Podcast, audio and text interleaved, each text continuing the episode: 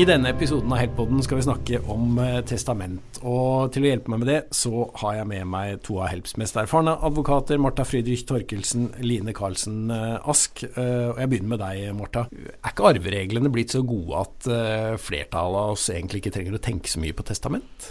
Eh, lovgiver mener jo det. Eh, og de vil nok passe for veldig mange, særlig den tradisjonelle kjernefamilien med to gifte og kun felles barn. Eh, og så har vi jo eh, samboere, og vi har dine og mine barn, og vi har økonomier som ikke tåler at den ene faller fra.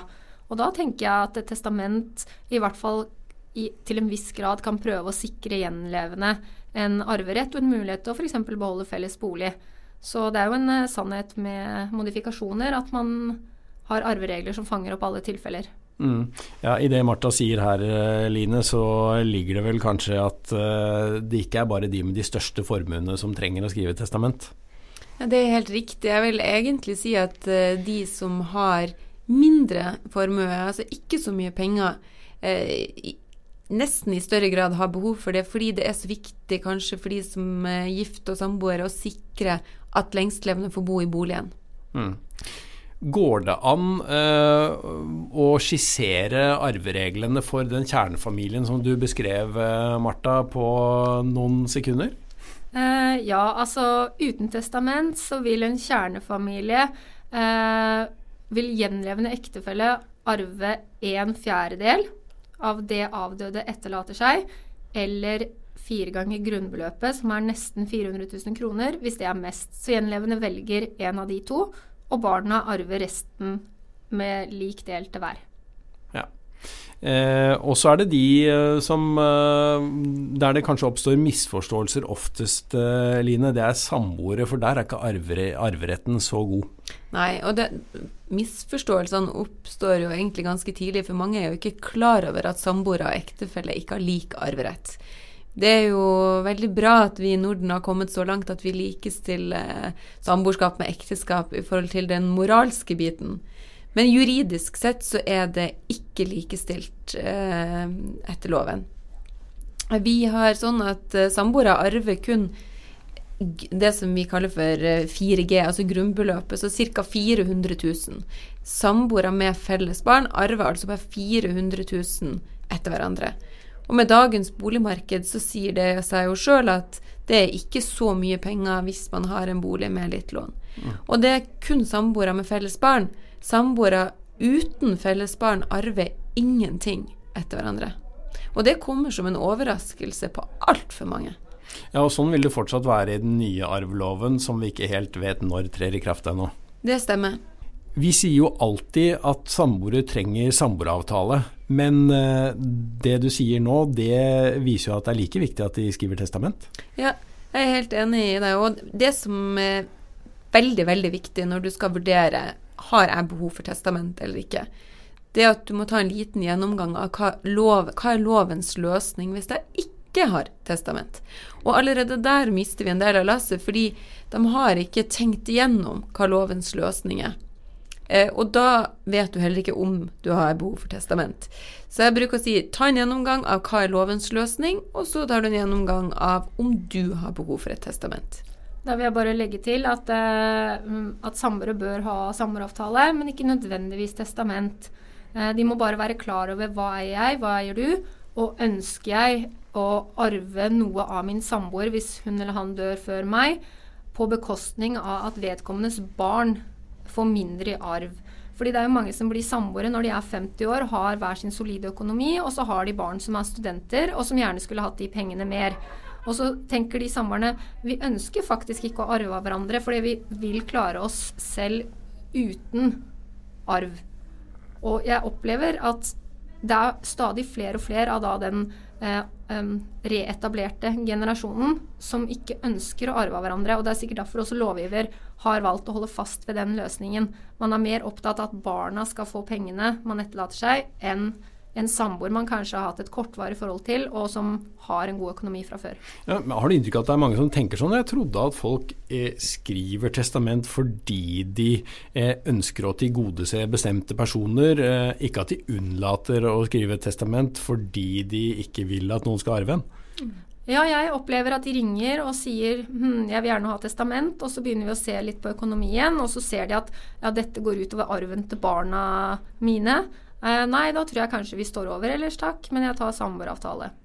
Men de som vil ha testament, da, hvem er det som typisk tar kontakt med oss, Line? Eh, den typiske eh, kunde ringer egentlig ofte for å få vite hva reglene er. Og så snakker man litt frem og tilbake da om man har behov for et testament eller ikke. For noen er det jo sånn at reglene passer med det de ønsker, og da er man jo ferdig.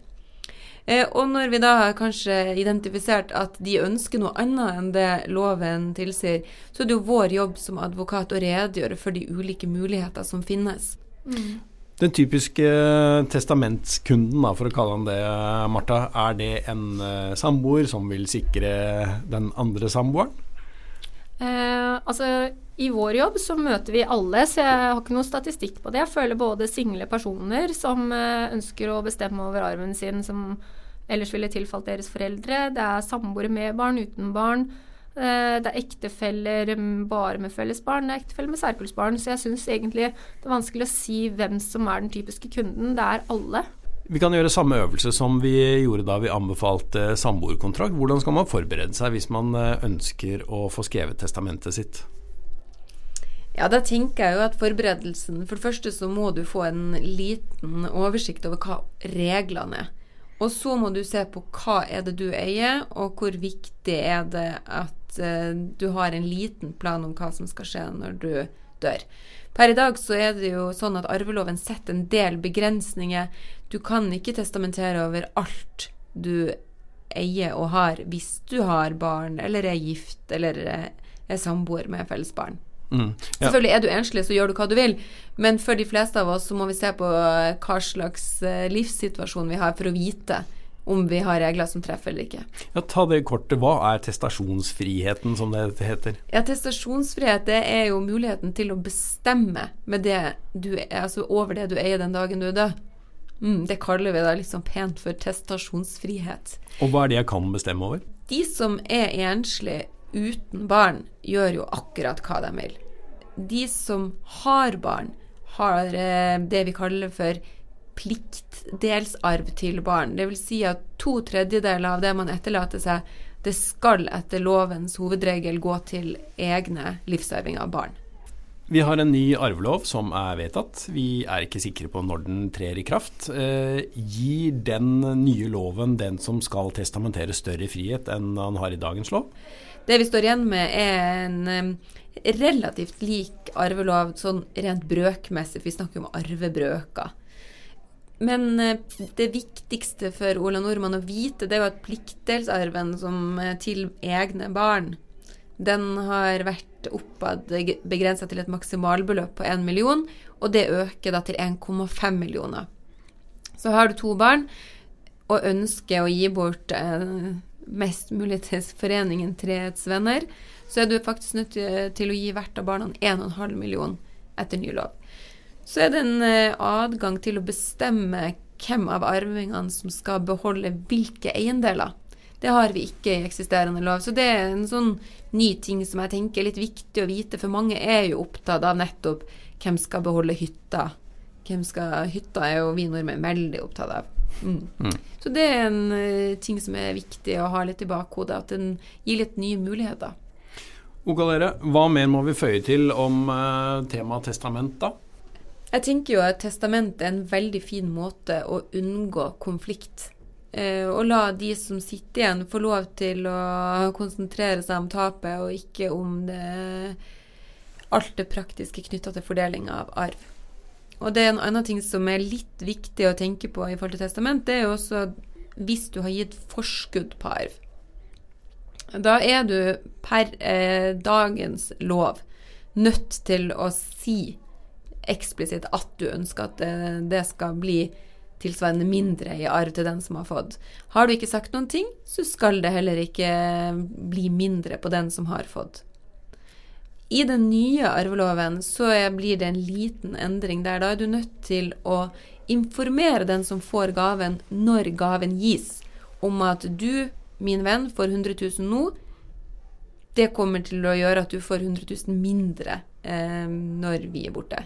Så i den nye loven så blir det litt mer sånn åpenhet rundt forskudd på arv, og hva som skal skje med det forskuddet den dagen selve arveoppgjøret skal gå.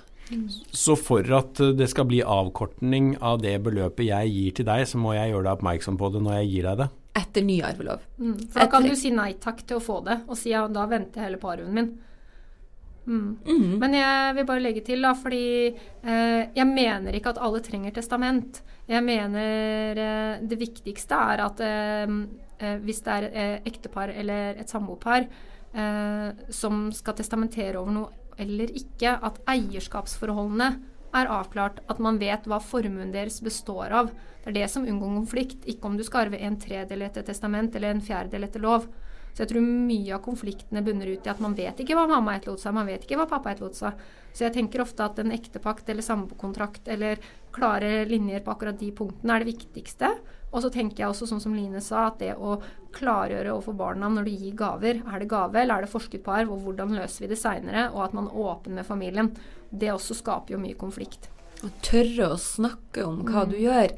Jeg syns jo også at hvis du lager et testament, fortell dine barn at du har laga et testament. Si hva som står i det. Mm. Den der overraskelsesmomentet den dagen noen er død, det er ikke særlig hyggelig Nei, for noen. Viktig. Hvis du først gjør noe, vær åpen om det. Mm. Åpenhet er eh, et eh, viktig stikkord, og jeg håper også at vi har fått frem noen av fordelene ved å skrive testament. Takk for at du hørte på Help-podden.